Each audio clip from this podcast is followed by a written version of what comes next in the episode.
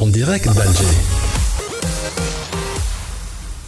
En direct d'Alger avec Abdelafir Khnifsa. Numérisation et rencontre Wali gouvernement. Le Premier ministre Ahmed Ouihia a exprimé jeudi dernier à Alger la volonté du gouvernement de poursuivre en 2019 la numérisation de l'administration à travers une interconnexion approfondie entre le niveau central et le niveau local à l'issue des travaux de la rencontre gouvernement-Wali. Il ajoute S'agissant de l'efficacité de l'administration, elle continuera à progresser grâce à la numérisation qui fait l'objet d'une véritable mobilisation du gouvernement. Il a estimé qu'à l'horizon 2021, l'Algérie aura parachevé sa profonde mutation en matière de numérisation et d'administration électronique. D'un autre côté, les participants à la rencontre gouvernement-Wali, dont les travaux ont pris fin jeudi dernier au Palais des Nations Club des Pins à Alger, ont mis l'accent sur la nécessité de faire de la numérisation le moteur de la modernisation du service public, tout en l'accompagnant d'un système efficace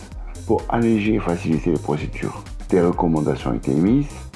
En effet, les participations de l'atelier pour un écosystème numérique territorial moderne et simplifié ont mis en avant l'accélération d'utilisation du numéro d'identification national, le NIN, tout en incitant à adopter un numéro d'identification national unifié pour les personnes morales et la mise en place d'un mécanisme de coordination entre les secteurs concernés pour généraliser son utilisation dans le secteur économique. Ils ont souligné en outre la nécessité d'accélérer le développement des services publics via Internet en proposant des services simples et optimaux pouvant être accessibles via des supports multimédia mettant l'accent sur l'impératif de moderniser la gestion des services sectoriels qui continue d'attirer un nombre important d'usagers, notamment le système fiscal, le cadastre et la conservation financière, et ce afin d'atténuer la pression et de mieux contrôler. Il a été également recommandé le développement des services numériques au profit des habitants, notamment celles ayant trait aux différents risques qui les guettent à l'image des accidents de la route, de la météo,